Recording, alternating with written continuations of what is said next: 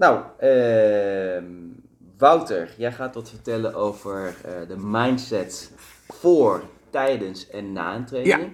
Want heel veel mensen die beleven een trainingsmoment anders dan anderen zouden denken. Ehm, neem ons even mee.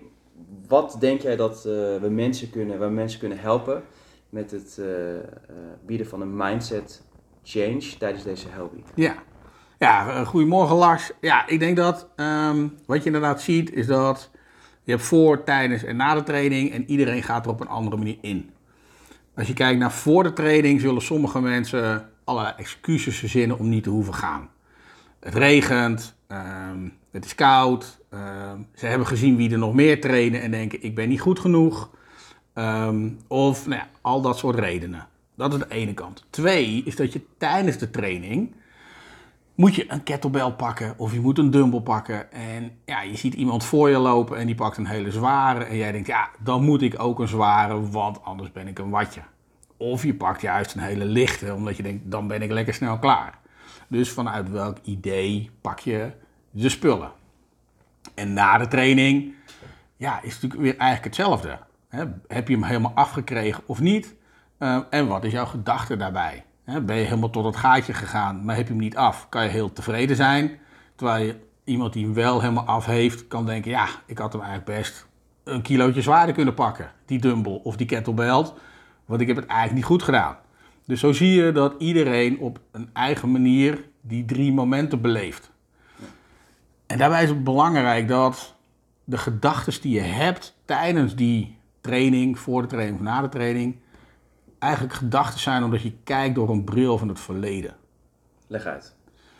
Nou, als ik even kijk naar mezelf, ik heb uh, een broer die 4,5 jaar ouder is. En die is, was altijd beter in alles. Hij kon beter tennissen, hij was leuker, zag er beter uit, enzovoorts.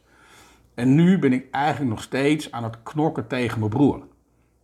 dus toen ik klein was, had ik altijd het idee: ik ben niet goed genoeg, hij is leuker, hij is beter. Dus ik ben altijd aan het knokken dat ik het beter moet doen dan iemand anders. Dus jij was vanochtend naast mij aan het trainen. Hè, we waren gezellig samen bezig, maar ik zie jou toch een zwaardere kettlebell hebben. Dan kan het zo met mijn brein komen. Dan denk ik van, ja, ik moet het eigenlijk beter doen. Hè, ik moet een zwaardere kettlebell hebben. Of ik zie jou veel sneller lopen. Ik moet ook harder gaan lopen. Omdat ik denk, mijn brein denkt dat jij mijn broer bent waar ik tegen moet knokken. Ja, het was heel leuk geweest vroeger, denk ik, als wij samen broers waren geweest. Dat was een ander onderwerp. Ja. Maar dat gaat dus helemaal niet over het nu. Want jij bent helemaal niet bezig of ik het beter doe dan jij of niet. Sterker nog, je moedigt me aan op het moment dat ik het even er doorheen zit. Klopt. Maar mijn brein maakt er dus een ander verhaal van. Ja. dus, en dat is dus die oude bril, die oude film waardoor ik naar de wereld kijk.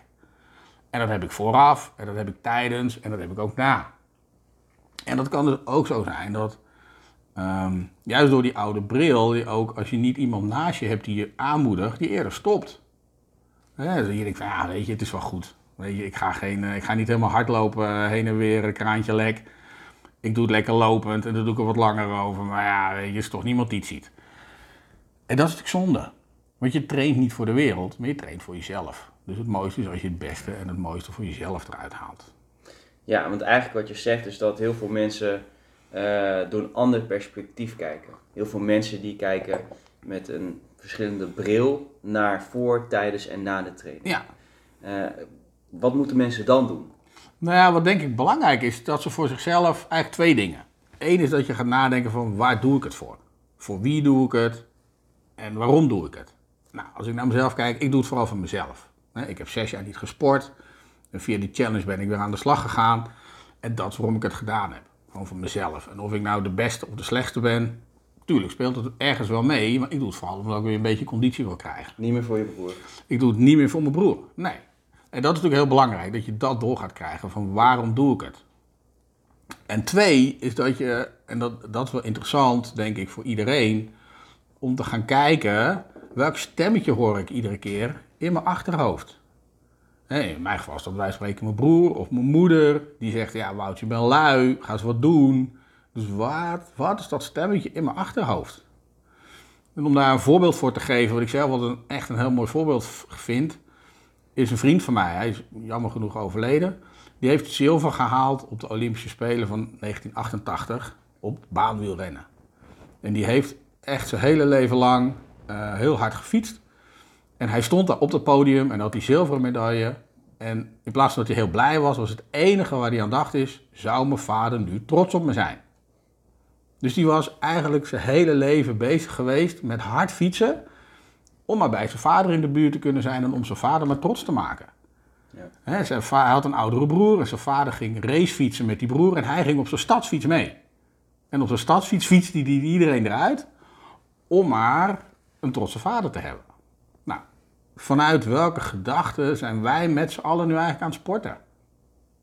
Wat is het idee erachter?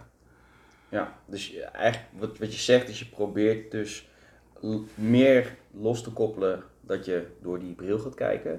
En dat je meer gewoon moet gaan ervaren van Ja. wat wil ik? Ja, ja, wat wil ik? Waarom doe ik dit? Ehm, en dan is het dus goed om te gaan kijken van hey, welk oud stemmetje zou er in mijn gedachten met me meegaan. Want op het moment dat ik daar zicht op krijg, dan kan ik er ook wat mee gaan doen. En dat stemmetje is niet fout. Laten we even heel helder zijn. Het gaat niet over goed en fout. Het gaat over inzicht krijgen in. Inzicht krijgen, oh, dit is een stemmetje. Oké, nou, goed om te weten. Dan kan ik er iets mee. Als ik dat wil. Als ik het niet wil, nou, dan moet het vooral niet doen. Weet je, dat is helemaal niet erg. Maar het is wel fijn als je het wel doet, want dan wordt het sporten ook leuker. Want dan gaat het in één keer om wat jij wil en waar jij blij van wordt. En niet meer omdat je vader of je moeder in jouw gedachten iets van je zou willen. Ja, precies. Dus wat, wat kunnen mensen dan eh, concreet gaan doen? Nou, wat denk ik concreet belangrijk is, is dat op het moment dat ze bijvoorbeeld al een les gaan reserveren in de app. ehm, bijvoorbeeld gaan kijken van oké, welk tijdstip wil ik nou echt?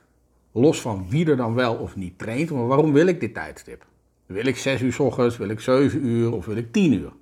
Want ik wil ook wel eens een keertje uitslapen. Nee, dat mag niet, want ik moet altijd die 6 uur training hebben. Nee, dat hoeft helemaal niet. Dus daar al gaan kijken van waarom wil ik welke training en welk stemmetje zit in mijn hoofd. Daarnaast tijdens de training gaan kijken van, hey, doe ik dit nu vanuit omdat ik het leuk vind, mijn opdrachten? Of doe ik het expres zwaarder? Of doe ik het juist expres lichter? En hoe vaak tijdens de training ben ik eigenlijk aan het kijken naar hoe de ander het doet? Of ben ik echt gewoon lekker met mezelf bezig en mijn eigen rondjes aan het doen? En daarna, na de training, kunnen ze eens gaan kijken van, hé, hey, als ik dat nou die training af heb, hoe tevreden ben ik nou?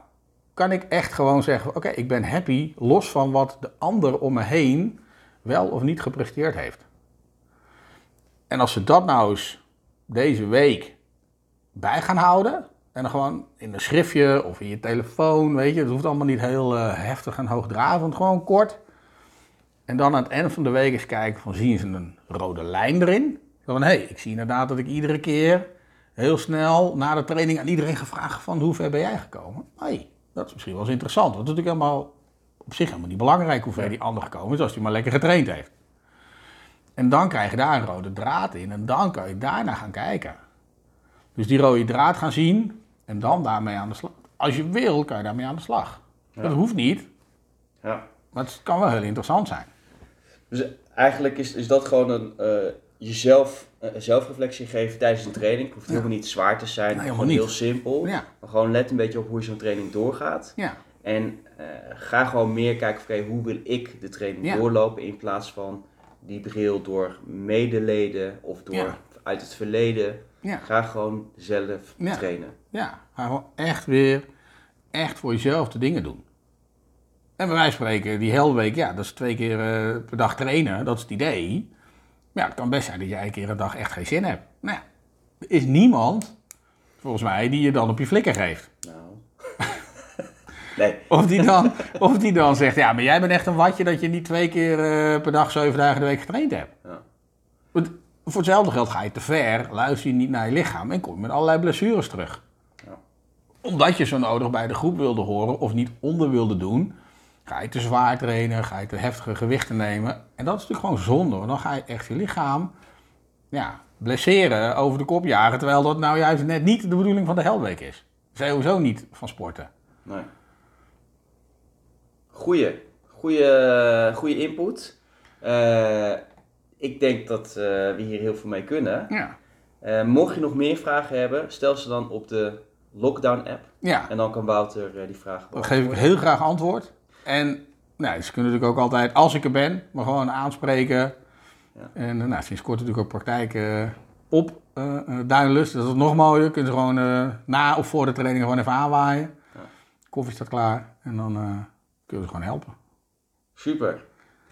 Bedankt. Alsjeblieft, graag gedaan. Leuk man. Het, het- ja, het is veel, eff- het is veel eff- effectiever dan, eh, dan in, in mijn gedachten.